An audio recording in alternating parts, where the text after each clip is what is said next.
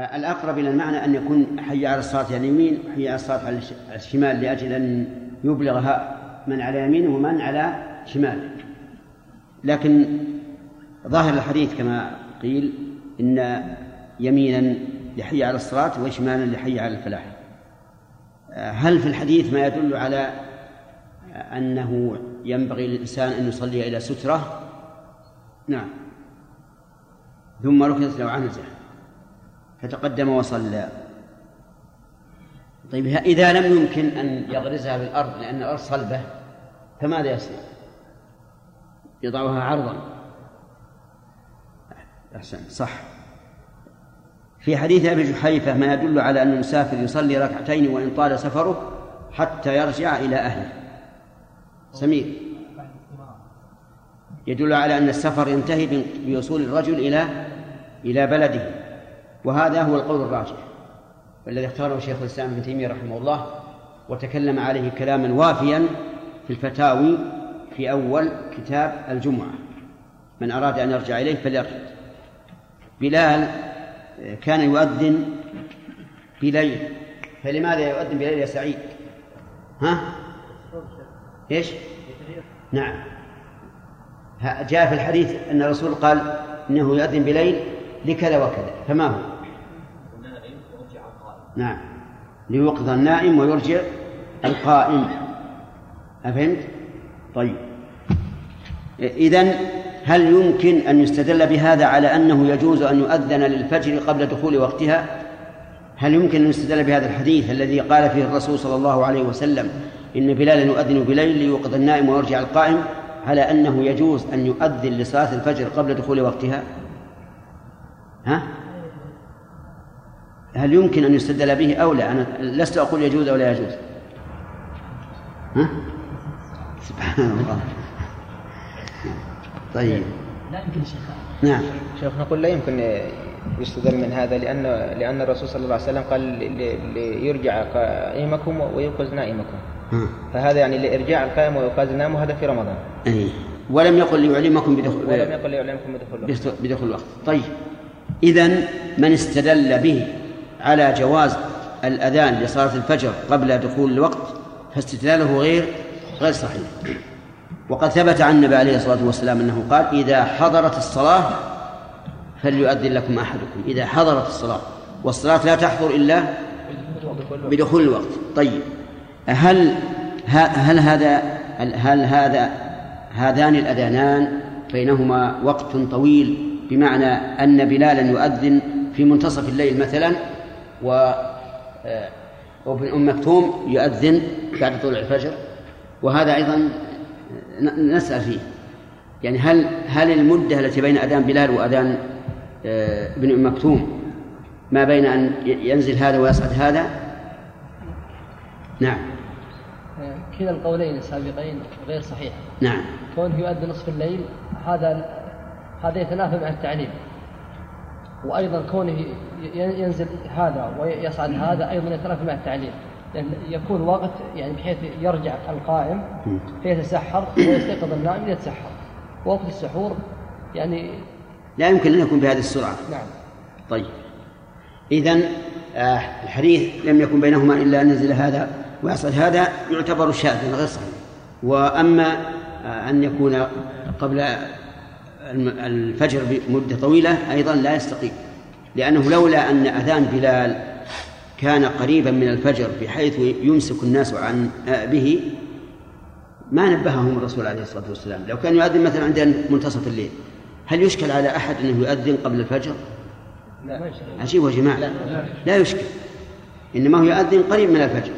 يعني يكون بينه وبين أذان ابن مكتوم ما يفرغ من سحوره لا لا. ينقل فكلوا واشربوا حتى يؤذن.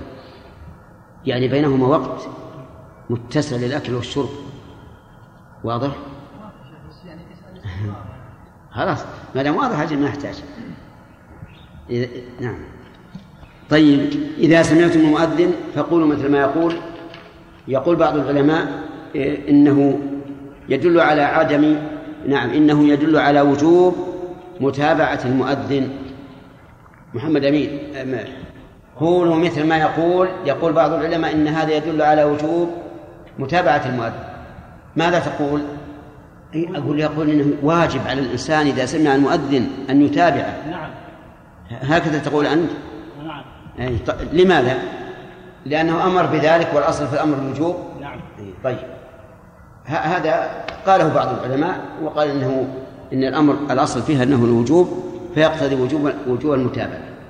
هل هناك ما يعارض هذا القول؟ نعم. ها؟ إيه والمقام مقام تعليم. طيب هذا هو الصحيح. وأيضا سمع الرسول عليه الصلاة والسلام يؤذن رجل يؤذن فقال إيش؟ وقيس من الفطرة على الفطرة ولم ولم ينقل عنه أنه تابع. طيب لكن يؤخذ من هذا الحديث آه، بيان لحكمة عظيمة وهي أن من لم يشرع له أن يباشر العبادة فإنه يشرع له أن يشارك في هذه العبادة. نعم؟ نعم. طيب. نعم وله نظائر في الشرع. ها. مثل الحاج مثلا يشرع له أنه إذا كان محرما إلا مثلا لا يمس الشعر لا يحلق شعره ولا ولا يقطع مثلا ظفره وكذلك يشرع مثلا للذي المريد الأضحية من غير الحاج ان يفعل كذلك المح- الحاج في إحرامه. نعم. يعني مشروعية الأضحية لمن كانوا غير حجاج كما شرع الهدي للحاج. وكذلك اجتناب الترفه في أخذ الشعر والأظفار وما أشبهها. استقبال القبلة واجب ومتى وجب استقبال الكعبة؟ إي نعم لكن متى وجب استقبال الكعبة خاصة؟ قبل الهجرة أو بعد الهجرة؟ بكم؟ عبد الله؟ ستة عشر شهرا أو سبعة عشر شهرا. طيب. آه، هل كان ذلك لحرص النبي عليه الصلاة والسلام على أن يستقبل الكعبة أو لأن الكعبة أحق الأماكن بالاستقبال, بالاستقبال عبد الله يعني ولو لم يحرص لم يوجه. ها؟ لكليهما. إي نعم صح. وذكرنا لكم أن الشيخ الاسلام ابن تيمية رحمه الله يقول إن الكعبة كانت قبلة جميع الأنبياء. ذكر هذا في الرد على المنطقيين. يسقط استقبال القبلة في مواضع. سامي في الفريضة والنافلة. هذه واحدة. ولا زد قيدا في هذا. إذا كان على راحلته في السفر. الخائف. وغير؟ أنت. غلط. العاجز. نعم. يسقط عند العجز للخوف وفي النافلة في السفر. طيب. والأدلة واضحة فيما سبق. استدل العلماء رحمهم الله بحديث ابن عمر على أن الوتر ليس بواجب. إلا الفرائض وصرحوا بأنه يوتر فدل ذلك على أنه ليس من الفرائض. طيب. واستدل العلماء أيضا على أن ما ثبت في النفل ثبت في الفرض. استدلوا بذلك. لأن الصحابة استثنوا الفريضة ولولا أن الفريضة ولولا أن ما ثبت في النافلة ثبت في الفريضة لم يكن للاستثناء وجه طيب. رجل صلى غير مستقبل القبلة فأعلمه إنسان بأنه مخالف للقبلة فماذا يصنع؟ نعم. لا يعيد الصلاة. لا يعيد الصلاة. يتوجه إلى القبلة ولا يعيد الصلاة؟ سواء في البر أو في في البلد أو صحيح. هكذا قال الفقهاء. قالوا في الحضر ما في اجتهاد. فإذا صلى إذا استأجر الإنسان بيته وشرع يصلي. ثم دخل صاحب البيت وقال القبلة على يمينه يجب أن يستأنف الصلاة لأن عليه أن يسأل لتمكن لتمكنه من السؤال.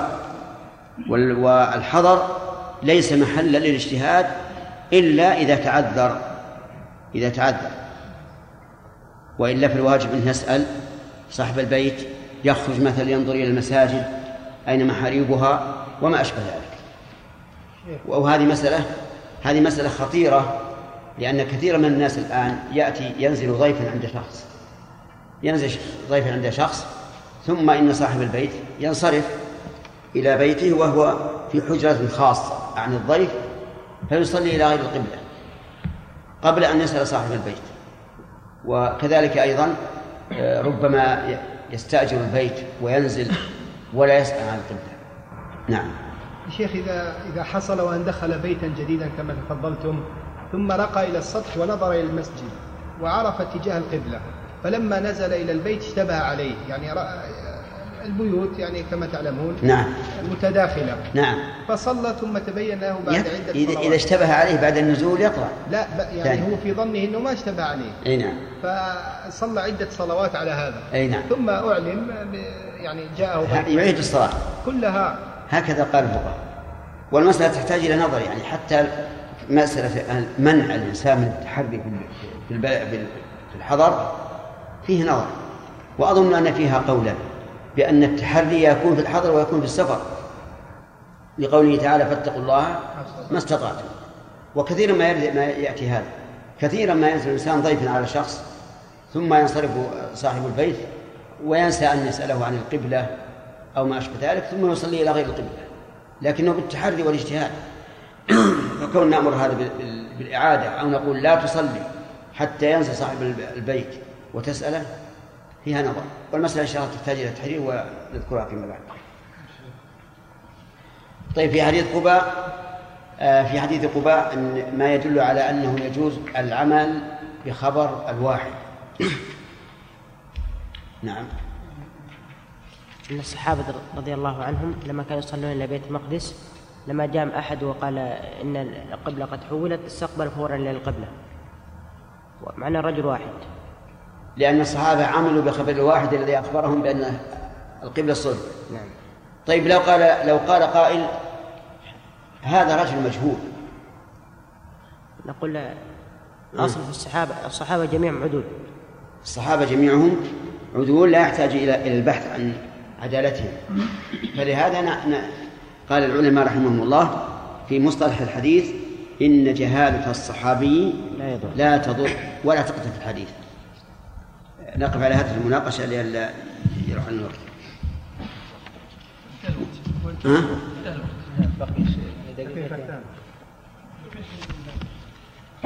بقي دقيقة دقيقتان. دقيقة واحدة. نعم. إذا ناخذ مناقشة. ما والمناقشة أنا عندي أنها أفضل من الشرح. حقيقة المناقشة تفتح الطالب آه، آفاق الفهم والاستنباط. إذن آه، استدل العلماء رحمهم الله على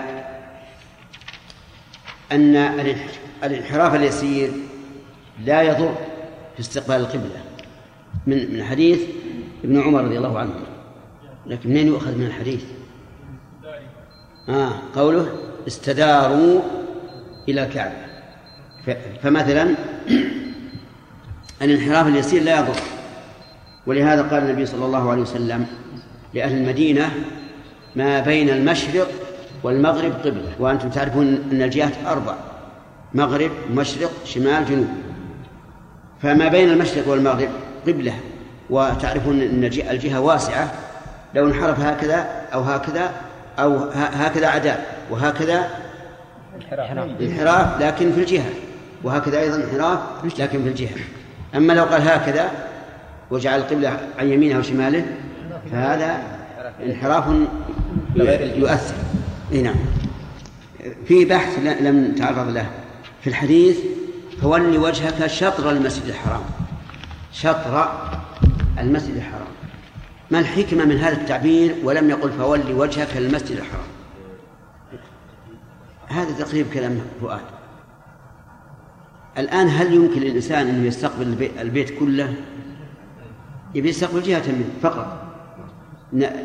نأخذ من هذا فائدة أخرى أن الإنسان لو صلى في جوف الكعبة متجها طبعا إلى أحد الجهات فقد فقد صح استقباله لأنه استقبل شطر المسجد.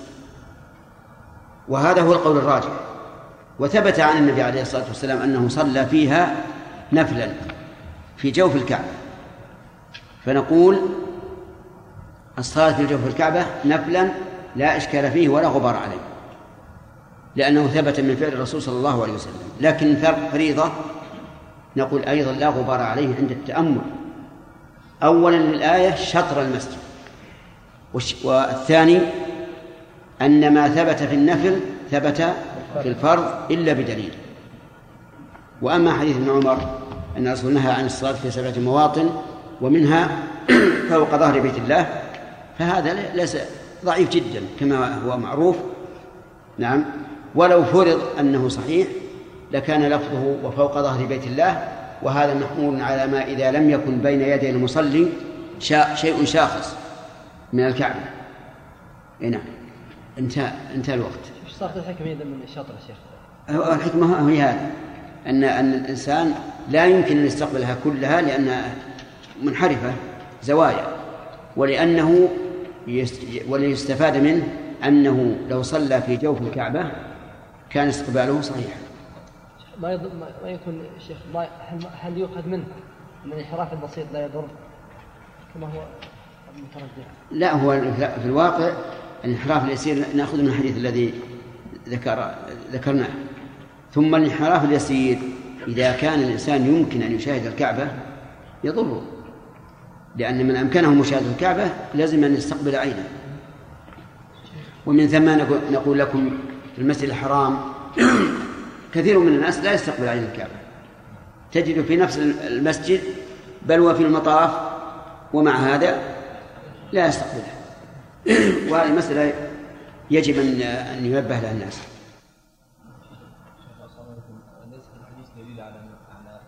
يعني رد على من يقول ان خبر خبر المتواتر لا ينسخ خبر احاد خبر إيش؟ ان خبر متواتر لا بخبر احاد يقول آه. لأن الخبر كان عندهم مقطوع إيش؟ ان ان أن الخبر احاد خبر متواتر لا ينسخ خبر احاد لا هذا ربما يستفاد من هذا لكن هذا الحقيقة أنه مخبر عن عن النسب مخبر عن النسب وهو استدلال قوي أن نقول هذا دليل على أنه إذا صح الخبر فإنه ينسخ ينسخ خبر الواحد بخبر بالخبر المتواتر نعم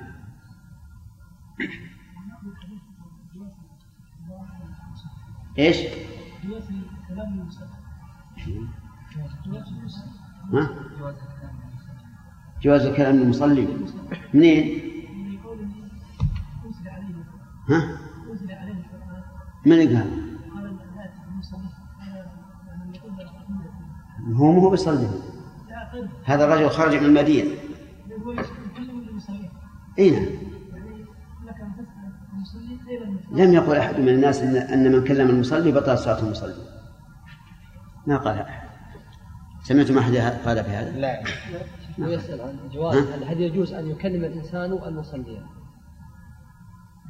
يجب ان يخبره بخطأه إذا كان يخل بصلاته. مو يجوز يجب. انتهى الوقت. بعين التمر. فرأيته يصلي على حمار ووجهه من ذا الجانب يعني عن يسار القبلة. فقلت رأيتك تصلي لغير القبلة؟ فقال لولا أني رأيت رسول الله صلى الله عليه وسلم يفعله ما فعلته. باب الصفوف. عن أنس بن مالك رضي الله تعالى عنه قال قال رسول الله صلى الله عليه وسلم سووا صفوفكم فإن تسوية الصفوف من تمام الصلاة. وعن النعمان بن بشير رضي الله تعالى عنهما قال سمعت رسول الله صلى الله عليه وسلم يقول لتسون صفوفكم أو ليخالفن الله بين وجوهكم. ولمسلم كان رسول الله صلى الله عليه وسلم يسوي صفوفنا حتى كأنما يسوي بها القداح حتى رأى أن قد عقلنا عنه. ثم خرج يوما فقام حتى كاد أن يكبر فرأى رجلا باديا صدره فقال يا عباد الله. ما عندنا يا. نعم. عندنا فقال عباد الله. نعم ما عندنا فقال عباد الله لتسون صفوفكم أو ليخالفن الله بين وجوهكم. بسم الله الرحمن الرحيم. آه، سبق لنا بيان أن استقبال القبلة شرط من شروط الصلاة من شروط صحتها. وأن الصلاة بلا استقبال قبلة لا تصح إلا في ثلاث مواضع. الأخ ما هي؟ إذا كان يصلي على راحلته صلاة العصر. إيش؟ ها؟ النافلة في السفر. هذه واحدة. خطأ. يعني إذا عمت عليه القبلة والداء اجتهاد إلى جهة ما فهذه قبلة. نعم. الثاني إذا عجز عن استقبال القبلة. كإنسان مثلا مربوط إلى غير القبلة أو مريض وليس عنده من يوجهه. طيب. ثالث. الخائف.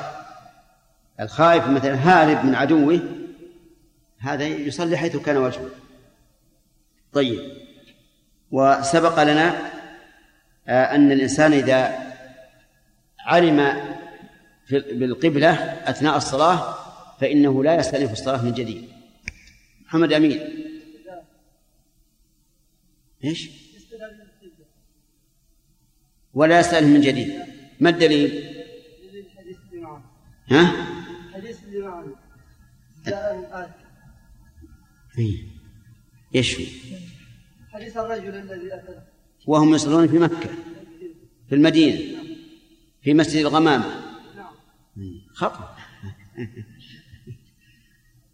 في أي مكان يصلون؟ في مسجد قباء بارك الله فيك طيب وهم يصلون أي صلاة؟ نعم كمل إن النبي صلى الله عليه وسلم أنزل عليه ليلة القرآن وقد أمر أن يستقبل إيش؟ الكعبة فاستقبلوها أو فاستقبلوها ها؟ فاستقبلوها أو فاستقبلوها يجوز الوجهان. نعم حقيقة يجوز الوجهان. طيب. أحسنت. لما استقبلوا الكعبة وهم في الصلاة كيف كان؟ استداروا في نفس الصلاة. وكانت وجوههم إلى الكعبة وظهورهم إلى بيت المقدس. طيب أحسنت. وسبق لنا أنه يكتفى يكتفى باستقبال الجهة. يكتفى باستقبال الجهة. نعم. من أين تؤخذ؟ لا نريد من الأحاديث التي ذكر المؤلف. لا لا لا. نريد مما ذكر المؤلف. أنه كان وجوههم إلى الشام الشام جهة. ما هو يعني لم يحدد أنه المسجد الأقصى. جهة. فاستداروا إلى الكعبة. طبعا ما هو إلى إلى إلى عينها لأنهم لا لا, لا يشاهدون. وهو كذلك. طيب إذا متى يجب استقبال عين الكعبة؟ نعم إذا كان يراه سواء في الحرم أو في غير الحرم. يعني لو فرضنا واحد يراه من بعيد إذا كان يراه طيب قول من قال إن إن محراب النبي عليه الصلاة والسلام إنه على عين الكعبة عين الكعبة وأنه على الميزاب ميزاب الكعبة أين أين يقع؟ شمال شمال الكعبة في وسط الحجر وأن محراب الرسول على حذاء الميزان هل هذا صحيح؟ ها؟ أنت فهمتها ولا لا الآن؟ فهمتها ولا لا؟ أي محراب الرسول في المسجد النبوي على عين الكعبة بل حددوا على الميزان ها؟ غير صحيح وش الدليل؟ لا المزاب جنوب عن عن المدينة مكة جنوب عن المدينة هم يدعون إن جبريل لما أراد الرسول يضع المحراب نعم آه، إنه كشف له عن عن عن الكعبة وأزاح الجبال التي بينه وبين الكعبة ونظر إليها فوضع القبلة. على كل حال هو كما قال الأخ يعني نطالبهم بالدليل. هذه واحدة. ثم نقول عندنا دليل محسوس يدل على أن هذا غير صحيح. لا. طيب المحراب غير موجود. لكن هم بناء على أنه أن هذا المحراب في المكان الذي دله جبريل على الكعبة. لو كان الأمر كذلك للزم أن يكون الصف إيش؟ لا مقوسا. لأن حجم الكعبة بالنسبة لصف في المسجد النبوي أقل. وهذا بالاتفاق أنه لا ليس كذلك. يعني لو امتد الصف طول المسجد الآن أربع مرات. هل يتقوس؟ لا لا يتقوس. والآن يعني ممدود أكثر من أربع مرات بالنسبة للمسجد الرسول عليه الصلاة والسلام الأول. فالمهم أن نقول إن الرسول عليه الصلاة والسلام مسجده كغيره في أن قبلته هي إيش؟ هي الجهة. والإنسان إذا أتى بما يجب عليه سواء إلى الجهة أو إلى العين طيب ها؟ غير صحيح. نعم. طيب آه نبدأ الدرس الجديد الآن. قال وعن أنس أخذنا فوائد حديث ابن عمر. وعن أنس بن سيرين قال استقبلنا استقبلنا أنسا حين قدم من الشام فلقيناه بعين التمر. اسم مكان في العراق. فرأيته يصلي على حمار ووجهه من ذا الجانب يعني عن يسار القبلة فقلت رأيتك تصلي لغير القبلة. فقال لولا أني رأيت رسول الله صلى الله عليه وسلم يفعله ما فعلته. نعم. استقبلنا أنسا حين قدم من الشام. قدم إلى أين؟ إلى العراق. وتعرفون أن العراق يقع بالنسبة للشام جنوبا أو جنوبا شرقا. فرأيته يصلي على حمار.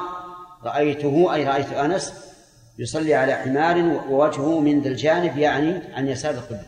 لأن القبلة تكون عن يمين. إيش؟ عن يمينه ومتجه شمالا آه جنوبا. فتكون القبلة عن يمينه ويكون اتجاهه عن يسار القبلة.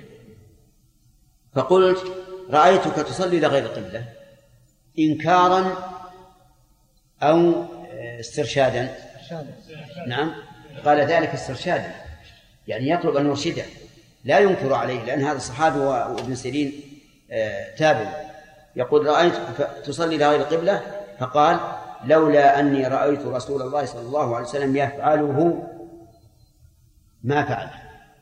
يفعله يعني يفعل نوع هذا الفعل أو ذات الفعل أو يفعل جنسه. ها؟ جنسه. لأن الرسول صلى الله عليه وسلم ما جاء من الشام إلى العراق واتجه آه، نحو الجنوب. ما فعل هذا. لكن جنس الصلاة على الراحلة متجها إلى نحو اتجاهه قد فعله الرسول عليه الصلاة والسلام. فمراده لولا أني رأيت رسول الله يفعله أي يفعل جنسه لا أنه يفعله بعينه لأن نعلم أن الرسول صلى الله عليه وسلم لم يفعله بعينه. آه، في هذا الحديث دليل على ما سبق من أن المسافر يصلي إلى جهة سيره وهذا تطبيق عملي وفيه من فيه في فوائد. أولا أن من عادة السلف استقبال ذي الشرف والعلم والجاه لقوله إيش؟ استقبلنا انسا. فلا ينكر على من خرج مثلا إلى المطار ليستقبل كبيرا أو شريفا أو عالما أو ما أشبه ذلك. لا يقال إن هذه بدعة لأن نقول هذا من من عهد من عهد السلف رحمهم الله. ومن فوائد هذا الحديث جواز الصلاة على الحمار. منين تؤخذ؟ نعم من رأيته يصلي على حمار. ويتفرع من هذه الفائدة أن الحمار طاهر أن الحمار طاهر. وجه ذلك لو كان نجسا ما صحت الصلاة عليه لأنه لا يصح لا تصح الصلاة على مكان النجس. الدليل على أن الصلاة لا تصح على مكان النجس أن النبي صلى الله عليه وسلم أمر أن يصب على بول الأعرابي ماء ليطهره. أي أن يصب عليه ماء ليطهره. فدل ذلك على أنه لا بد من طهارة المكان. في الصلاة. ويدل لهذا أيضا قوله تعالى وطهر بيتي للطائفين والقائمين والركع السجود. إذن الحمار طاهر. لكن ما الذي يكون طاهرا منه؟ أبوله وروثه أم ماذا؟ لا بوله وروثه نجسان. نجسان. الدليل على هذا أن عبد الله بن مسعود لما أتى إلى النبي صلى الله عليه وسلم حين قضى حاجته بحجرين وروثة أخذ الحجرين وألقى الروثة وقال هذا ركس أي نجس. فروثة الحمار نجسة بوله نجس. وأعطيكم قاعدة في هذا. كل ما حرم أكله فبوله وروثه نجس. كذا عبد الله الفلاني إيش القاعدة؟ كل ما حرم أكله فبوله وروثه نجس. طيب يشكل علينا مسألة وهي هل بول أو يعني هل ما يخرج من الذباب مما يكون على الثياب أو على البدن هل هو نجس؟ لا. لا؟ لا. القاعدة الذباب كله يقول يحرم أكله. لكن هذا الشيخ يوافى عنه لمشقة. إيه. هو نجس ولكن يوافى عنه لمشقة تحوز منه. إيه. إذا لم يكن مشقة مثل الإنسان آه، وقع على يده من من هذا الذباب ومسته بإصبعه مثلا هل نقول اغسل إصبعك هذا؟ لأن ما في مشقة. أنت الذي تعمدت. نعم. لا هذا هذا بالنسبة لميتته. إيه طيب ولو كان. مما ليس له سائلة الذي ليس له نفس سائلة نستفيد أنه إذا مات فهو طاهر. هذا هو لكن الكلام على ما يخرج منه. الواقع إنه ما فيه إلا أن يقال إن هذا مما تعم به البلوى. مما تعم به البلوى. ولم يرد عن النبي عليه الصلاة والسلام ولا عن أصحابه أنه أمر بغسله. فإما أن يقال إنه طاهر وإما أن يقال إنه نجس يعفى عنه. لمشقة التحرز منه وقد قال الله تعالى وما جعل عليكم في الدين من حرج. طيب يتفرع على هذا ولو كنا ما ودنا نطول آه، بعر الفار بعر الفار. أحيانا يسلط الفار على الكتب ثم يلوثها بالبعر والبور إيش نعم يعني تنجس الكتب ولا ما تنجس؟ تنجس لا شك أن تنجس والتحرز من هذا سهل. وإزالتها سهلة أيضا. لكن إذا كان الإنسان لا يستطيع أن يتحرز لأن أبواب المكتبة واسعة تدخل منها الهرر والفار و ولا يمكنه أيضا أن يغسلها لأن الكتاب يفسد. نقول تبقى لكن يتحرز الإنسان من من ملامستها وهو إيش؟ رطب. فإذا تحرس لا يضر. طيب. إي نعم. نشوف ما يخالف. ترى ما بدأنا متأخرين من فوائد هذا هذا الحديث حرص السلف على العلم. حرص السلف على العلم. بدليل أن أنس بن سيرين سأل أنس بن مالك عن هذا الأمر الذي ما كان يعرفه. وهكذا ينبغي الإنسان إذا رأى من أهل العلم مسألة لا يعرفها أن يسأل عنها. أولا ليستفيد علما. إن كان عمل هذا العالم صحيحا. أو ليذكر العالم إذا كان ناسيا. يعني الإنسان بشر. قد ينسى ويعمل ما لا يجوز. فلا ينبغي للإنسان إذا رأى عالما يفعل شيئا يستنكره أن يسكت بل يسأل. نعم. ومن فوائد هذا الحديث الاستدلال بأفعال الرسول عليه الصلاة والسلام. وعلى هذا فيكون فعل الرسول صلى الله عليه وسلم حجة يستدل بها. وجه ذلك أن أنس رضي الله عنه لم يقل هذا جائز. بل قال إنه رأى النبي صلى الله عليه وسلم يفعله ففعله. فيكون في هذا استدلال بأفعال الرسول صلى الله عليه وسلم. ومن فوائد هذا الحديث أن الأصل عدم الخصوصية. الأصل عدم الخصوصية ومن ثم قلنا إننا نقتدي بأفعال الرسول. مع احتمال أن يكون هذا خاصا به لكن الأصل إيش؟ عدم الخصوصية. حتى يقوم الدليل على ذلك. ومن ثم يتبين لنا ما كان يسلكه الشوكاني رحمه الله فيما إذا تعارض فعل الرسول صلى الله عليه وسلم وقوله مع إمكان الجمع أنه يقدم عموم القول على خصوص الفعل. وهذه طريقة غير سليمة لأن قول الرسول صلى الله عليه وسلم وفعله كلاهما كلاهما سنة. مثال ذلك قال النبي صلى الله عليه وسلم لا تستقبلوا القبلة بغائط ولا بول ولا تستدبروها فنهى عن الاستقبال والاستدبار. ورآه ابن عمر رضي الله عنهما يقضي حاجته على بيت حفصة مستقبل الشام آه، رآه ابن عمر وهو على بيت حفصة مستقبل الشام مستدبر الكعبة.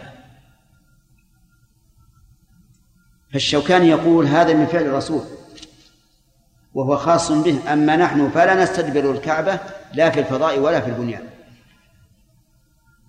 ولكن نقول هذا ليس بصحيح. لأنه هنا يمكن الجمع بين قوله إيش؟ وفعله. فيحمل قوله على ما إذا لم يكن الإنسان في بنيان ويحمل فعله على ما إذا كان الإنسان في بنيان. طيب هل يستقبل القبلة في البنيان؟ هل يستقبل القبلة في البنيان؟ لا. نقول لا. لأن لا تستقبل القبلة لم يرد فيها تخصيص. لا تستدبروها ورد فيها التخصيص. فصار الناس ينقسمون في هذه المسألة إلى ثلاثة أقسام. قسم قالوا يجوز في البنيان استقبال القبلة واستدبارها حال قضاء الحاجة. واستدلوا بحديث ابن عمر. وقال آخرون لا يجوز استقبالها واستدبارها في البنيان وجعلوا حديث ابن عمر خاصا بالرسول. وكلا الطريقين غير صحيح والصحيح أن نقول يجوز استدبار القبلة في البنيان ولا يجوز في الفضاء. وأما استقبالها فلا يجوز لا في البنيان ولا ولا في الفضاء. ومن فوائد من فوائد الحديث إطلاق الفعل على الجنس. لقول رأيت النبي صلى الله عليه وسلم لولا أني رأيت رسول الله صلى الله عليه وسلم يفعله ما فعلته وذكرت لكم قبل قليل أن المراد الجنس لا النوع ولا ولا ولا العين. ومن فوائد الحديث حرص أنس رضي الله عنه على اتباع النبي عليه الصلاة والسلام. ومن فوائد الحديث أنه إذا أمكن الاستدلال بما لا مراء لا مراء فيه فهو أولى. فمن هذا؟ إذا أمكن الاستدلال بشيء لا مراء فيه فهو أولى. أرأيتم لو قال أنس هذا جائز؟ سيكون في قلب أنس, أنس بن سيرين ما الدليل؟ لكن إذا قال لولا أني رأيت النبي صلى الله عليه وسلم يفعل ما فعلته خلاص ما يحتاج أن يقول ما الدليل؟ أفهمتم؟ وهذه مسألة تنفعك في المناظرات. أن تعمد إلى دليل لا يمكن لخصمك أن يعارضك فيه. حتى لا تطول الموضوع. أرأيتم محاجة إبراهيم مع الرجل الذي حاجة في ربه؟ قال إبراهيم ربي الذي يحيي ويميت. فقال له الرجل أنا أحيي؟ وأميت. عدل إبراهيم عن هذا ولم يقل لا يمكن أن تحيي وتميت وإنما تفعل ما, ما به سبب الحياة والموت. وأما الذي يحيي ويميت فهو الله. ما قال هذا؟ قال إبراهيم فإن الله يأتي بالشمس من المشرق فأتي بها منين؟ من المغرب. الآن ما يقدر ما يقدر يجادل. فبهت الذي كفر. وهذه مسألة ينبغي للمناظر أن يتبعها. أن لا يأتي بدليل يمكن لخصمه أن يعارضه فيه بل يأتي بدليل يقطع الحجة. آه نعم يقيم الحجة ويقطع المحجة. والله أعلم. نعم. كل من قول أنس يفعله. نعم. آه، الجنس لا النوع والعين. نعم. ثم المراد بالنوع والعين. آه نعم. آه المراد بالنوع مثلا أن يقول آه، مثلا على حمار. صلى على حمار مثلا. ما هو- لازم. العين إن الرسول نفسه فعل جاء من الشام إلى إلى العراق. آه نعم. شيخ قلتم ان إذا أمكن الاستدلال بما لا مراء فيه فهو أولى. إيش؟ إذا قلتم إذا أمكن الاستدلال بما لا مراء فيه فهو أولى. إيش بما؟ إذا أمكن الاستدلال بما لا مراء فيه نعم. فهو أولى. نعم. هل نفهم من هذا كأن نقدم كان, إذا كان في المسألة إجماع ودليل. نعم. يعني هل نأتي بالإجماع قبل الدليل؟ الإجماع يمكن يعرفك يمكن يقول ما- من قال إنه مجموع كما قال الإمام أحمد من, من ادعى الإجماع فهو كاذب وما يديه لعل مختلف. ولا حقيقة الإجماع ما يبقى ما يبقى, ما يبقى في نزاع. شيخ بارك الله فيكم هل نأخذ من الحديث ان الأصل في العباده التوقيف نعم. هل ناخذها أي أي نعم يمكن نأخذ. إن الأصل في العبادات أن- التوقيف نعم. إليكم. إذا قال قائل كيف نسوي بين القول والفعل رسول الله؟ صلى الله عليه وسلم مع أن القول أن الفعل يطلب احتمالات نعم. دون القول نعم. ثم كيف يخالف بشيء مع أنه نهى في قوله؟ هذا يدل على أنه يعني يدل على خصوصية أو على ما دام ما دام يحتمل الاحتمالات. نعم. افرض الاحتمالات. يحتمل الناس يحتمل. لكن هل نص الرسول عليه الصلاة والسلام على على البنيان في قول لا تستقبل القبلة قراءة ولا بول؟ عمومي لكن ما نص عليها بذاتها حتى نقول لعله نسي وما دام ما نص عليها بذاتها وقد ثبت أن العام قد يخصص فهذا هو. وهذه المسألة تنفعك في مسألة ترك الصلاة. ترك الصلاة أتت مثل آية نصوص عامة بأنه يخرج من النار من لم يعمل خيرا قط. قالوا وهذا يدل على أن ترك الصلاة لا يخلد في النار. ومن لا يخلد في النار فليس فليس بكافر. قلنا نعم لو قال الرسول عليه الصلاة والسلام يخرج من النار من لم يصلي صح. لكن من لم يعمل خيرا هذه نكرة في سياق النفي تكون العموم وأدلة كفر تارك الصلاة خاص. إذا إذا. نعم. وش اللي بعد إذا؟ إذا اتخذت شيئا. إذا اتخذت نعم. فلا تصمد إليه صمدا نعم. قلت انحرف يمينا أو شمالا. نعم. أنا كنت من قبل أفهم من هذا الحديث يستدل به نستفيد به لكن دليل هذا شيخ؟ إيش؟ دليل هذا القول يا شيخ نعم. هذا في حديث في حديث ضعيف. ذكره الفقهاء وقال إن إسناده لين أن الرسول عليه الصلاة والسلام كان لا يصمد إلى الشيء صمدا. هذا هذا دليل. وعندهم أيضا تعليل أنك إذا صمدت إليه أشبهت من يعبد الأوثان. لكن الحديث هذا ما دام ضعيفا وظاهر الأدلة أن العنزة تركز بين يدي الرسول عليه الصلاة والسلام فنأخذ بالظ- بالظاهر ظاهر الأحاديث الصحيحة. من قال من الحديث بدعة يعني وجه؟ نقول نعم هي بدعة لا شك. لكن هي بدعة هل نحن نقصد الاتباع والتعبد بها أو نقصد أنها علامة على القبلة إذا كانت ثانية ما فيها شيء. الوسائل التي يتوصل بها إلى أمور إلى أمور مقصودة هذه ما ما تعد بدعة. وإلا لقلنا تأليف الكتب بدعة وترتيب ال- السنة وأحكامها بدعة ووضع المدارس بدعة. فيجب أن نفرق بين ما كان وسيلة وما كان غاية. أما لو قلنا والله نحن نتعبد الله بهذه المحاريب قلنا خطأ. لكن إذا قلنا أن نتخذها علامة فليست ببدعة. ولهذا اختلف فيها العلماء. منهم من قال إنها سنة لأن الغاية منها الدلالة على السنة. ومنهم من قال إنها بدعة ومنهم من قال إنها مباحة. نظير هذا أيضا الخطوط اللي في الفرش الآن. بعض بعض الناس يقول هذه بدعة. كيف بدعة؟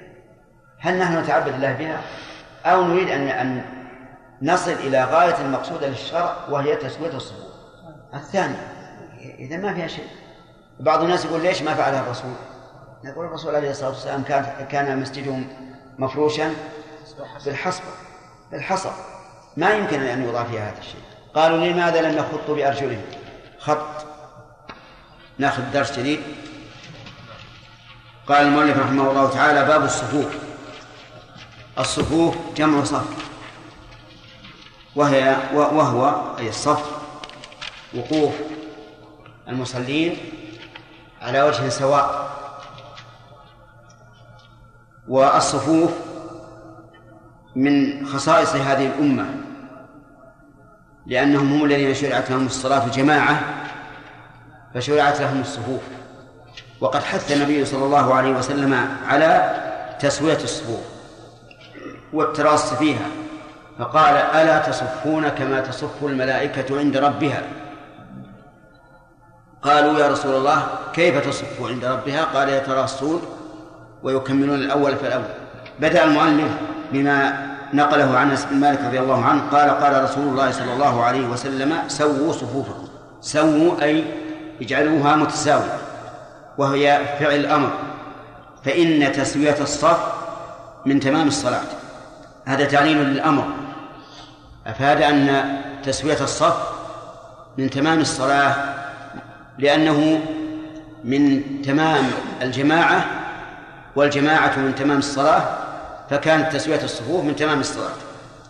وقوله سووا صفوفكم لا يعني أنها تكون يكون الناس هداء بعضهم ببعض. المراد ما هو أعم أن يجعلوها سوية مستقيمة. فيشمل ذلك اعتدالها ويشمل التراص فيها. ويشمل التقارب بينها ويشمل إكمال الأول فالأول. فالتسوية هنا لا تعني أن يكون بعضهم بحذاء بعض فقط بل هي أعم من ذلك.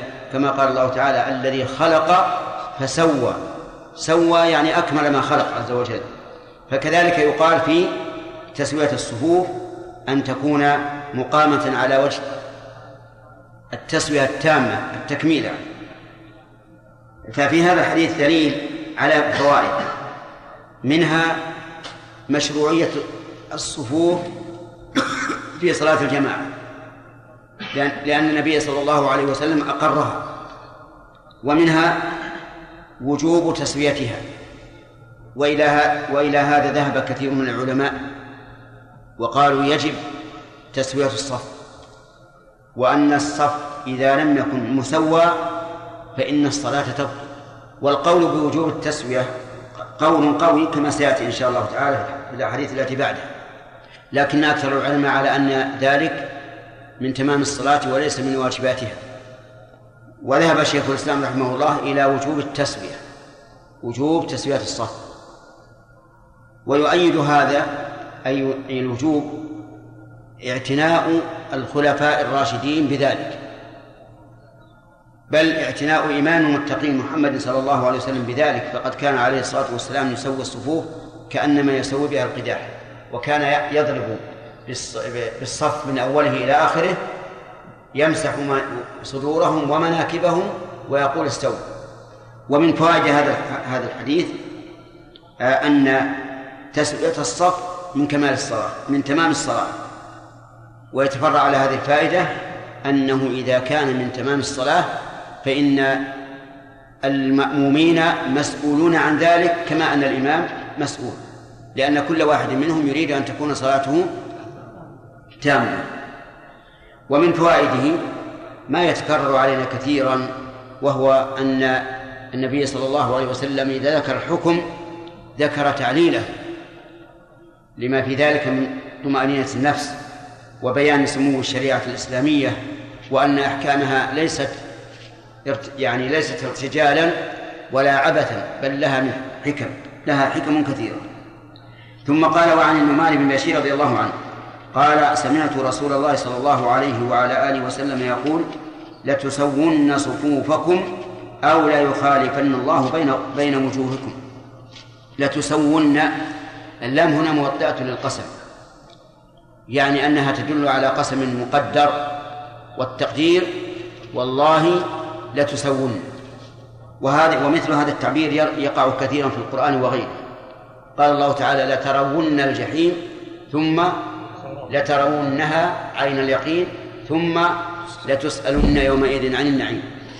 ومثل هذا يقال فيه في إعرابه ما سمعت أن اللام موطئة للقسم. ومعنى كونها موطئة للقسم أنها تدل على قسم محذوف. وعلى هذا فتكون هذه الجملة مؤكدة بثلاث مؤكدات بثلاثة مؤكدات وهي عبد الله اللام والقسم ونون التوكيد لتسوون وقوله أو لا يخالفن الله هذه أو بمعنى البدل يعني فإن لم تفعلوا فلا يخالفن الله بين وجوه لا يخالفن الله نقول فيها من جهة التوكيد والقسم ما قلنا في الجملة الأولى. وقوله بين وجوهكم يحتمل معنيين. المعنى الأول أنها مخالفة حسية بمعنى أن يصرف وجوه بعضكم عن بعض بحيث يكون وجه الإنسان مثلا إلى كتفه أو إلى خلفه. وهذه مخالفة حسية. أو أن المعنى بين وجوهكم أي وجهات النظر فتكون المخالفة هنا مخالفة معنوية. ويعني بذلك أن أن القلوب تختلف وتتجه اتجاهات متغايرة. ولا شك في ضرر هذا وأنها عقوبة عظيمة إذا ألقي الخلاف بين الأمة. ففي هذا الحديث دليل على على أن تسوية الصف واجب. وجه الدلالة أن النبي صلى الله عليه وسلم جعل جزاء من لم يسويها أن يخالف الله بين وجوههم. بين وجوه المتصافين. ومن فوائد هذا الحديث أن تسوية الصف مسؤولية الجميع لقوله أو لا يخالفن الله بين وجوه وهو كذلك. لكن المس... لكن تقع المسؤولية أصلا على من؟ على الإمام. ومنها بيان سفه سفه أولئك القوم الذين إذا رأوا أن الإمام يصر على على تسوية الصف ولا يدخل في الصف ولا يدخل في الصلاة إلا حيث يعلم أن الصف مسوى تجدهم يتضجرون ويستنكفون من ذلك وينكرونه. وهذا يدل على جهلهم لأنهم لو علموا ما في التسوية من الثواب والأجر وما في تركها من الإزر ما فعلوا ذلك. المهم أن هذا الحديث يدل دلالة واضحة على على وجوب تسوية الصفوف ولمسلم في هذا الحديث يعني رواية لمسلم كان رسول الله صلى الله عليه وسلم يسوي صفوفنا حتى كأنما يسوي بها القداح. يسوي صفوفنا ظاهره أنه يفعل ذلك بيده. وقد جاء ذلك صريحا فيما رواه أبو داود أن الرسول عليه الصلاة والسلام كان يضرب الصف من طرفه إلى طرفه يمسح مناكب الصحابة وصدورهم ويأمرهم بالتسوية. وقولك حتى كأنما يسوي بها القداح جمع قدح وهي ما يكون في نصب السهم وهذا لابد أن يكون كأسنان المشت فإن لم يكن كذلك حصل خلل في الرماية. حتى رأى أنا قد عقلنا عنه. حتى رأى أي رؤية علمية ووجه ذلك علمية أنه قال قد عقلنا والعقل لا يدرك بالعين وإنما يدرك بالعلم والشعور. حتى رأى أنا قد عقلنا عنه يعني فقهنا وعرفنا منزلة التسوية وأنها ذات أهمية بالغة. ثم خرج يوما فقام يعني قام في مكانه ليصلي بهم حتى كاد أن يكبر حتى كاد أن يكبر. كذا عندكم أن؟ نعم. أن آه، قليل قليل وقوعها بعد كاد والأكثر فيها حذف أن. قال الله تعالى فذبحوها وما كادوا يفعلون. حتى إذا أخرج يد حتى إذا أخرج يده لم يكد يراها. نعم. لكن تأتي أن قليلا. ومن هذا هذا الحديث. حتى كاد أن يكبر. فرأى رجلا باديا صدره. باديا أي ظاهرا. بارزا عن عن الصف مما يدل على أنه كان متقدما على الصف وليس المعنى أن الصدر وحده هو الذي برز. لو كان كذلك لم يكن على الإنسان حجة لأنه عذر. بعض الناس ربما يكون صدره باديا متقدما قليلا عن بقية جسمه وبعض الناس ربما يكون صدره باديا لأنه منحن قليلا. لكن ليس هذا المراد الحديث المراد أن الرجل كان متقدما على الصف فقال عباد الله لتسوون صفوفكم. قال عباد الله وجه إليهم النداء من أجل أن ينتبهوا لأن تصدير الخطاب بالنداء يوجب انتباه المخاطب ووصفهم بالعبودية لأن مقتضى العبودية أن يخضع الإنسان للشريعة. وألا يتمادى في خلافها. فقال عباد الله إذا قال قائل أنت قلت أنه ناداهم أين حرف النداء؟ محذوف. والتقدير يا عباد الله لا تسون صفوفكم أو لا يخالفن الله بين وجوهكم. هذا هو اللفظ الأول والحديث واحد لكن هذا فيه زيادة. سياق مسلم.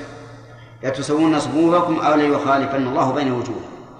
ففي هذا الحديث دليل على فوائد منها أن المسؤولية في تسوية الصف تقع قبل كل شيء على الإمام وأنه من السنة أن الإمام يباشر التسوية بنفسه لقوله كان يسوي صفوفنا ومن فوائد الحديث أن التسوية يجب أن تكون تامة كما تسوى القداح لقوله حتى كأنما يسوى يسوي بها القداح ومنها أن الإمام لا يكبر للصلاة حتى يرى أن الصفوف قد استوت. ولهذا لما وقف النبي صلى الله عليه وسلم مكانه وهم أن يكبر ورأى هذا الرجل الذي كان صدره باديا توقف حتى قال ما قال. وكان الصحابة رضي الله عنهم كانوا الخلفاء الراشدون عمر وعثمان وكلوا رجالا في تسوية الصفوف. فإذا جاءوا وقالوا إن الصفوف قد استوت كبروا مما يدل على عناية الصحابة بذلك وهذا يقوي القول إيش؟ بوجوب التسوية. وقد اشتهر حديث بين العامة لكن لا أصل له أن الله لا ينظر إلى الصف الأعوج وهذا لا يصح عن النبي صلى الله عليه وسلم. ومن فوائد الحديث أن أن المساواة تكون في أعلى القدم في أعلى البدن وفي أسفل البدن. ولهذا كان الصحابة رضي الله عنهم يلصق الرجل كعبه بكعب أخيه ومنكبه بمنكب أخيه.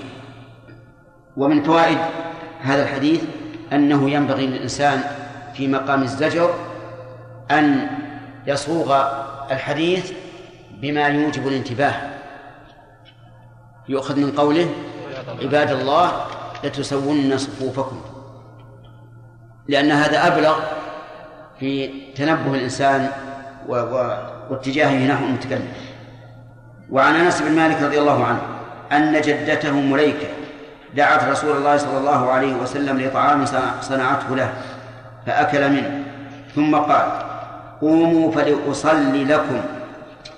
قال أنس فقمت إلى حصير لنا قد اسود من طول ما لبس فنضحته بماء فقام عليه رسول الله صلى الله عليه وسلم وصففت أنا واليتيم وراءه والعجوز من ورائنا فصلى لنا ركعتين ثم انصرف. ولمسلم أن رسول الله صلى الله عليه وسلم صلى به وبأمه فأقامني عن يمينه وأقام المرأة خلفنا. هذا الحديث فيه يقول أن جدته مليكة جدة من؟ أنس بن مالك وسماها لأن الإنسان له جدتان جدة من قبل الأب وجدة من قبل الأم. فإذا سمى تعينت المسمات دعت رسول الله صلى الله عليه وسلم لطعام صنعته له.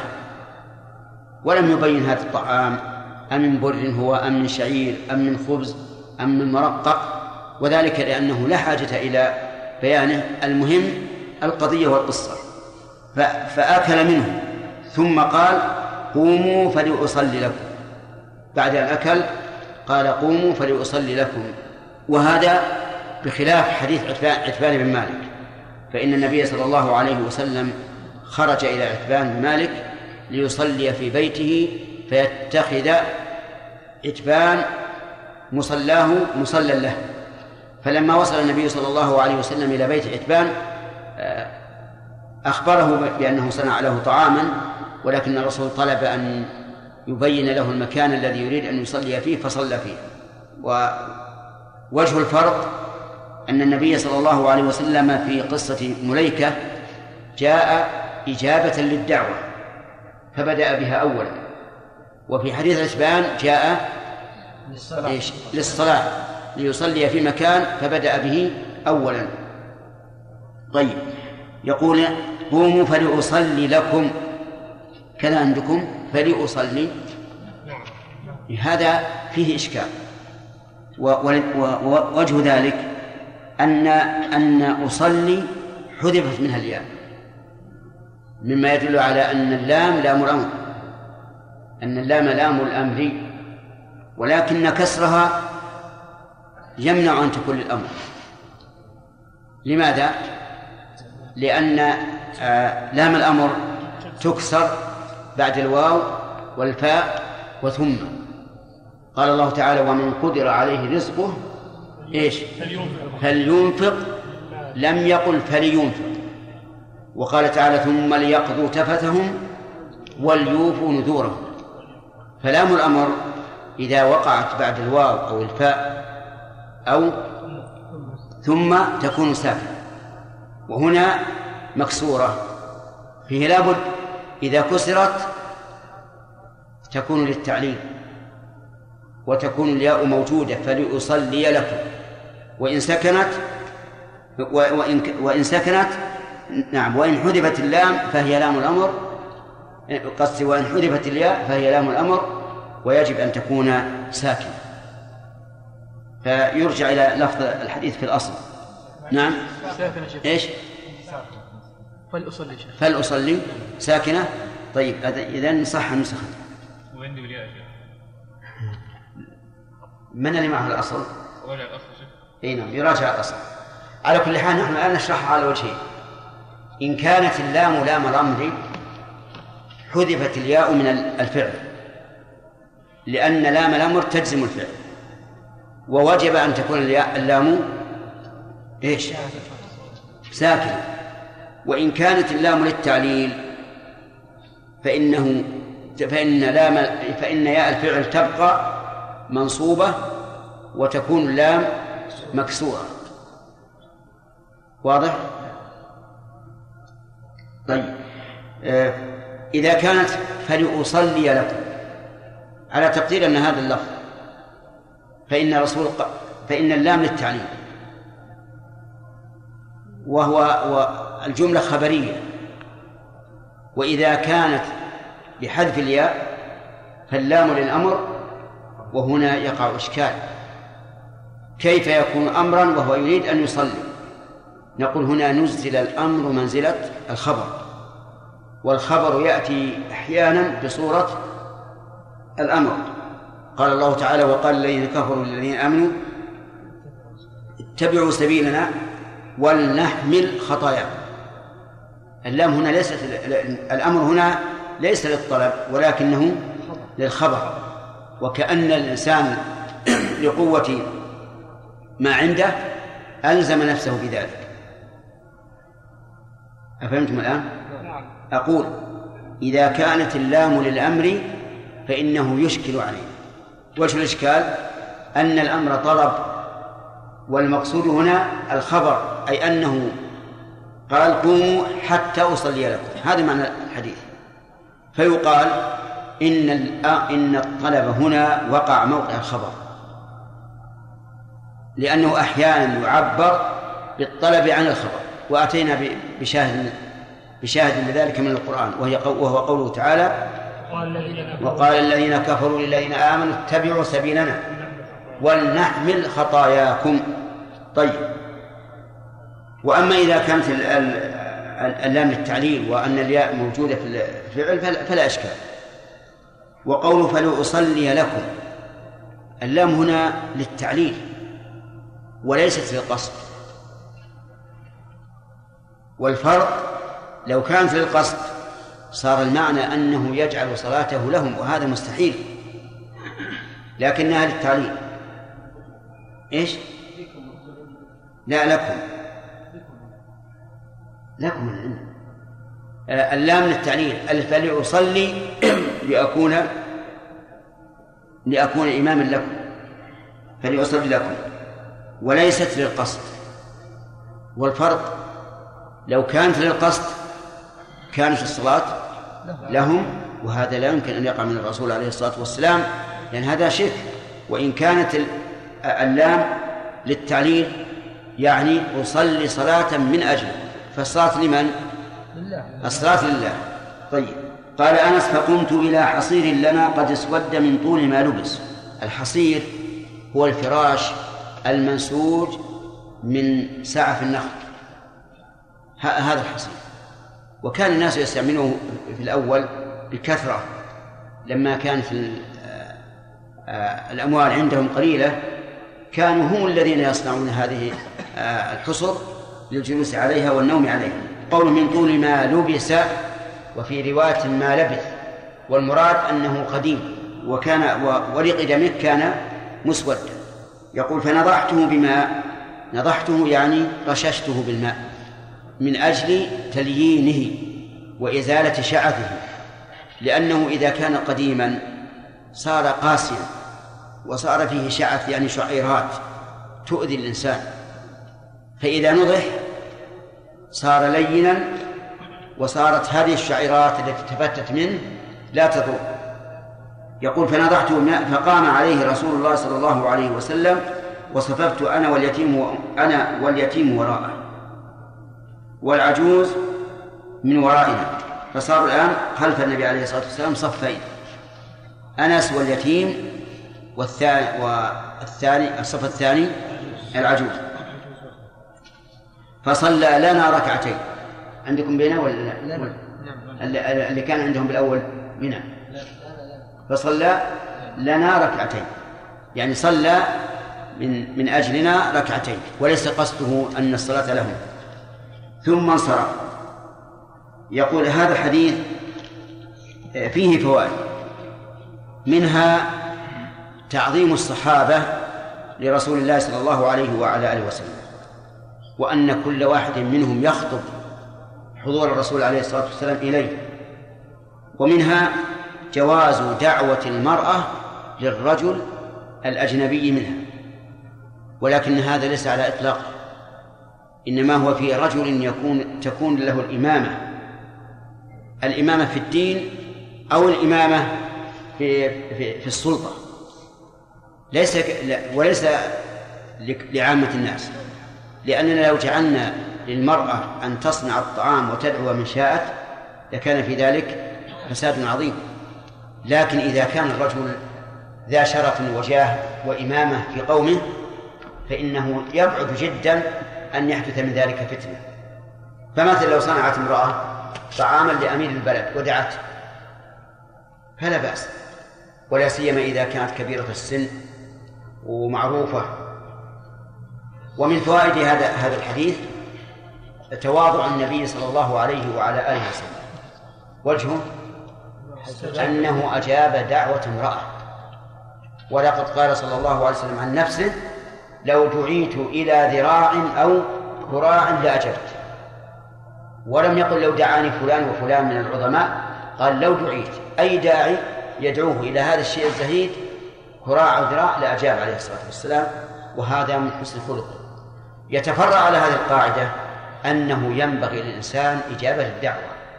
إجابة الدعوة وأن يجيب كل من دعاه سواء كان شريفا أو وضيعا رجلا أو امرأة لكن في مسألة المرأة لا بد أن ينتفي المحذور ومن فوائد هذا الحديث أنه ينبغي لمن أجاب الدعوة وكان سهلا بأيدي الناس أن ينوي بذلك اتباع النبي صلى الله عليه وعلى آله وسلم ليحصل على فائدتين. الفائدة الأولى القرب من الناس لأن الناس إذا إذا أجاب إذا أجابهم المدعو قرب من قلوبهم بلا شك. والثانية إيش؟ اتباع النبي صلى الله عليه وسلم والتأسي به.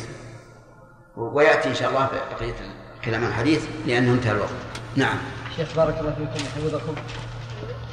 المعلوم من عموم الشريعة أن الأمر إذا جر مفسدة أنه يترك. نعم.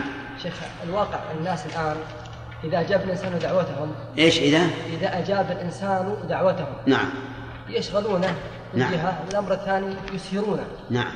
خاصة ال- العشاء والزواجات. الإنسان ما يخرج إلا وقد يعني كاد الليل ينتصف وربما تفوت الفجر بسبب السهر. نعم. ويضيع عليه ما بعد الفجر. نعم. الحمد لله عندنا قاعدة. ورب ورب مفضول يكون أفضل. هذه الأمور يوزن بعضها ببعض توزن المصالح. أليس النبي عليه الصلاة والسلام دائما يحث مثلا على اتباع الجنائز يحث على الصيام يقول أفضل صي- الصيام صيام د- داود. هل كان الرسول يفعل هذا؟ لا ينظر للمصلحة. أحيانا يصوم حتى يقال لا يفطر ويفطر حتى يقال لا يصوم. فالإنسان يتبع المصلحة. فإذا قدرنا أن أن إجابتك للدعوة التي ليست بواجبة تصدك عن طلب العلم مثلا. فلا تجب نعم. شيخ أحسن الله إليك. أحيانا بعد تسوية الصفوف في أول الصلاة يختل يختل تسوية الصفوف أثناء الصلاة. نعم. نعم. سمعت ما قال؟ أحيانا تكون الصفوف عند أول الدخول في الصلاة مستوية. ثم بعد ذلك يتقدم أحد ويتأخر. أحد فهل نسويها؟ نقول نعم لأن النبي صلى الله عليه وسلم لما قام عبد الله بن عباس عن يساره أخذ برأسه وجعله عن يمينه وهذا لمصلحة الصلاة. سبحان الله. ذكرت لك القاعدة قبل قليل الآن ذكرت القاعدة. نعم. تسوية الصفوف. نعم. نعم. التمام يقول نوعان تمام واجب وتمام مكمل. نعم. بعض الأئمة حينما تقام الصلاة يتجه إلى الناس ويتكلم معهم كلام كثير كأنه يعني ينصحهم أو أو يوعظهم.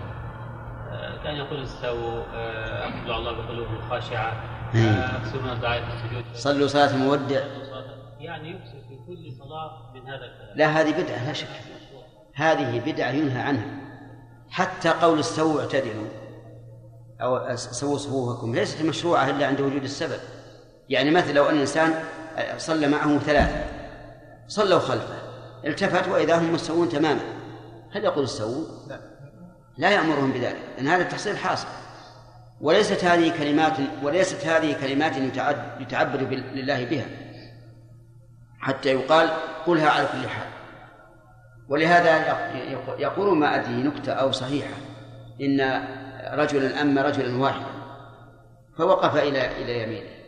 وقف إلى يمينه فلما انتهت الإقامة قال استووا اعتدلوا. قال ما أنت أحد. نعم. ما في إلا واحد. مساوي الصف. فالمهم أن هذه كلمة تقال عند وجود السبب. وهنا الآن ذكرتموني مسألة. إذا كان إمام ومأموم فهل المأموم يتأخر قليلا؟ الجواب لا. لا يتأخر. وقد استحب بعض العلماء استحبابا لا ليس عليه ليس له دليل أن يتأخر المأموم قليلا ليتميز الإمام بالتقدم عليه. فيقال هذا خطأ. إذا كان إمام ومأموم ومأموم. إذا كان إمام ومأموم صار إيش؟ صفا. والصف يسوى. لا يتقدم أحد على أحد.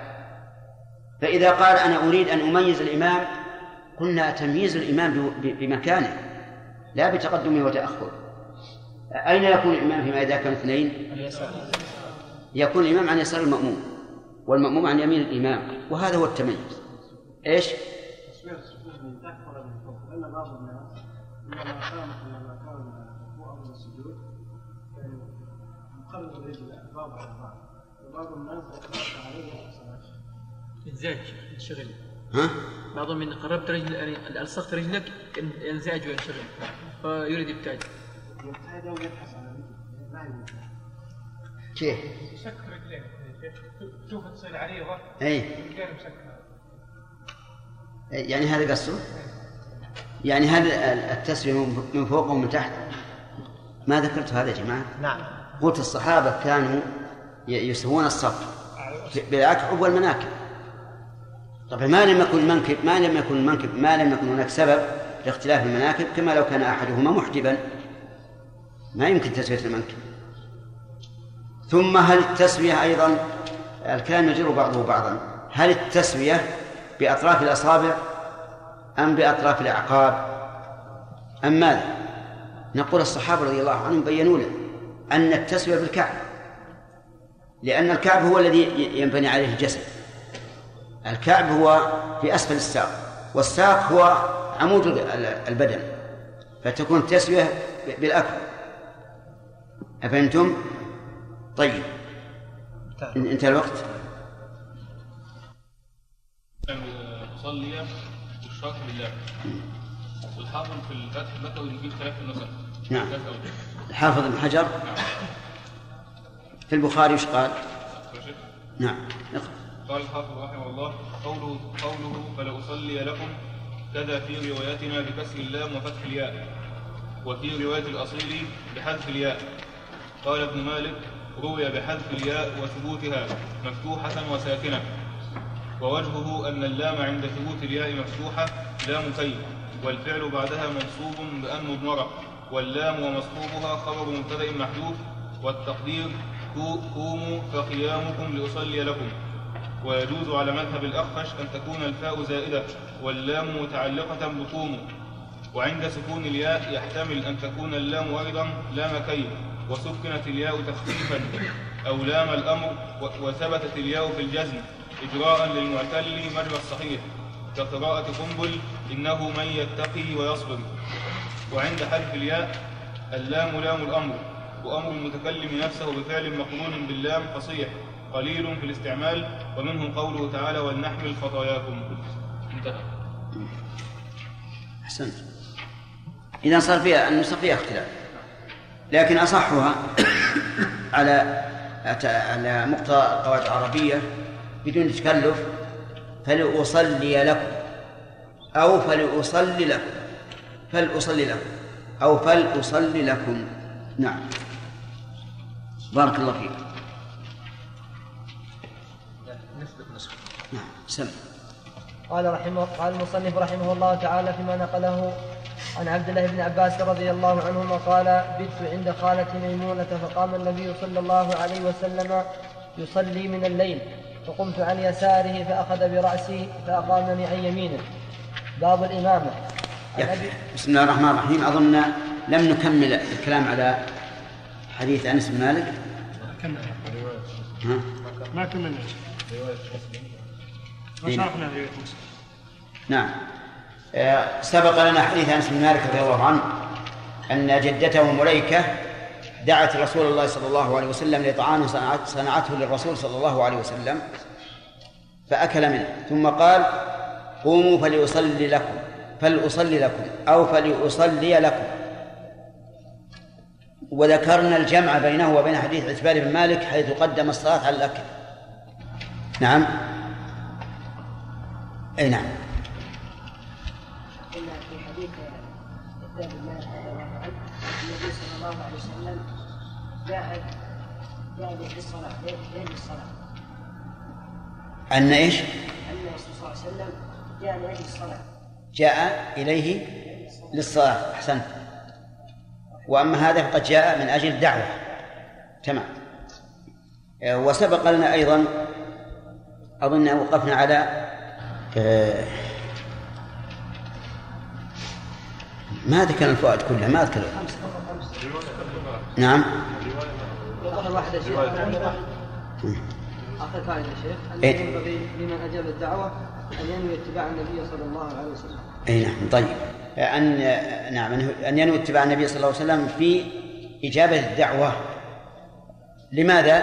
ليكسب فائدتين. الفائدة الأولى جبر جبر خاطر صاحبه ومودته.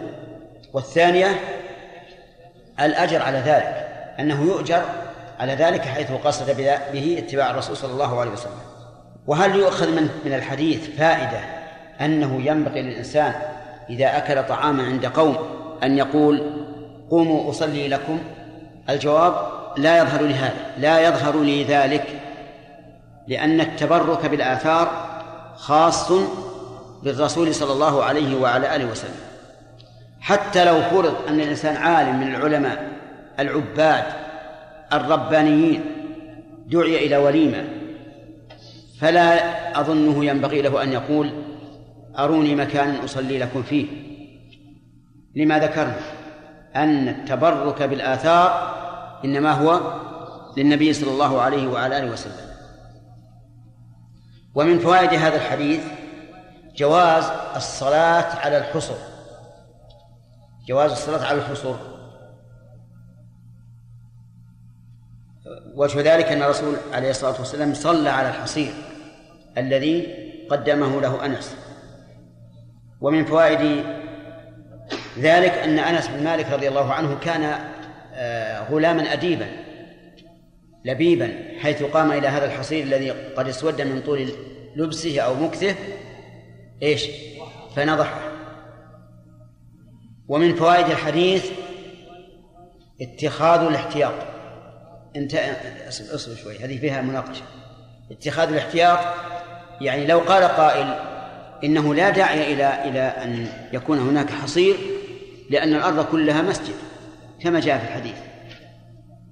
فهل نقول إن أنس بن مالك فعل ذلك احتياطا لعل الأرض أصابها نجاسة؟ قد يقول قائل هذا ولكن نقول في هذا نظر. لأن الأصل هو الطهارة. ولا حاجة إلى أن يضع الإنسان فراشا على الأرض يقول أخشى أن تكون نجسة. فإن هذا من التنطع في الدين. لكن نقول إن في هذا إكرام الضيف. إكرام الضيف لأن كونه يسجد على حصير آه، أنظف له من كونه يسجد على التراب. فهذا نعم.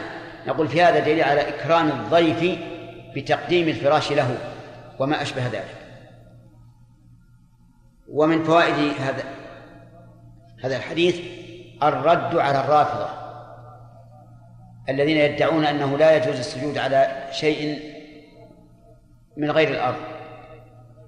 والظاهر أن هذا قول غلاتهم أما المقتصرون منهم فإنهم يجوزون الصلاة على حصير النخل. ومن فوائد هذا الحديث جواز مصافة الصبي. لقوله قمت أنا واليتيم معه وراءه من أين تؤخذ؟ من قوله؟ ليش؟ اليتيم ما دام لم يبلغ فهو يتيم. وهذا ظاهر جدا في النفل. لكن هل يقال مثله الفريضة؟ الجواب نعم مثله الفريضة.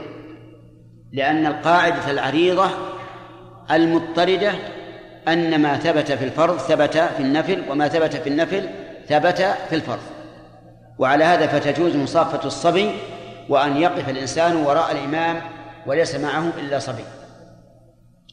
وإذا اعترض معترض وقال لا يمكن الصبي صلاته نفل لأنه لم يبلغ. قلنا ماذا تقول في فعل الرسول عليه الصلاة والسلام؟ فإذا قال هذا في النفل قلنا وأين الدليل على الفرق؟ ولو كان هناك فرق لنبه عليه الرسول صلى الله عليه وسلم. ولهذا نبه الصحابة في مسألة الصلاة على الراحلة أنه لا يصلي عليها المكتوبة لئلا تقاس الفريضة على النافلة. طيب. إذن تجوز مصافة الصبي. وهل تنعقد الصلاة الجماعة به؟ الجواب نعم. لأنه إذا جاز إذا جازت مصافته انعقدت الجماعة به. وسيأتينا إن شاء الله في حديث ابن عباس ما هو صريح في هذا. ومن فوائد الحديث أن المرأة تكون خلف الرجل ولو كانت من محارمه. لقوله والعجوز من ورائنا العجوز من ورائنا وهي من محارم أنس لأنها جدته ومع ذلك كانت وراءه. وفي هذا إشارة إلى أن النساء متأخرات عن الرجال قدرا وشرعا. أما قدرا فواضح فالقوة والشجاعة والحزم والعقل كله في الرجال. وقد يأتي من النساء نادرا من هو بصفة الرجال أو أكثر في, هذه الأمور. وأما شرعا فظاهر. لا مكان للمرأة مع الرجل في الصلاة. الصلاة النساء يكن خلف الرجال ولو واحدة ومن فوائد الحديث جواز الصلاة خلف الصف إذا وجدت الصف تاما. كيف؟ لأن المرأة صح صلاتها خلف الرجال لأنه لا مكان لها في صف الرجال شرعا. فكذلك إذا لم يكن إذا لم يجد الإنسان مكانا حسا نعم فتصح صلاته. تصح صلاته منفردا. وهذا القول هو الراجح. أعني أنه يجوز للإنسان إذا وجد الصف تاما أن يصلي خلف الصف وحده. أفهمتم؟ هذا مقتضى الأدلة الشرعية. ولأن لو لم نقل بذلك لزم ما يأتي. أولا أن نقول اجذب واحد اجذب واحدا من الصف الذي أمامك.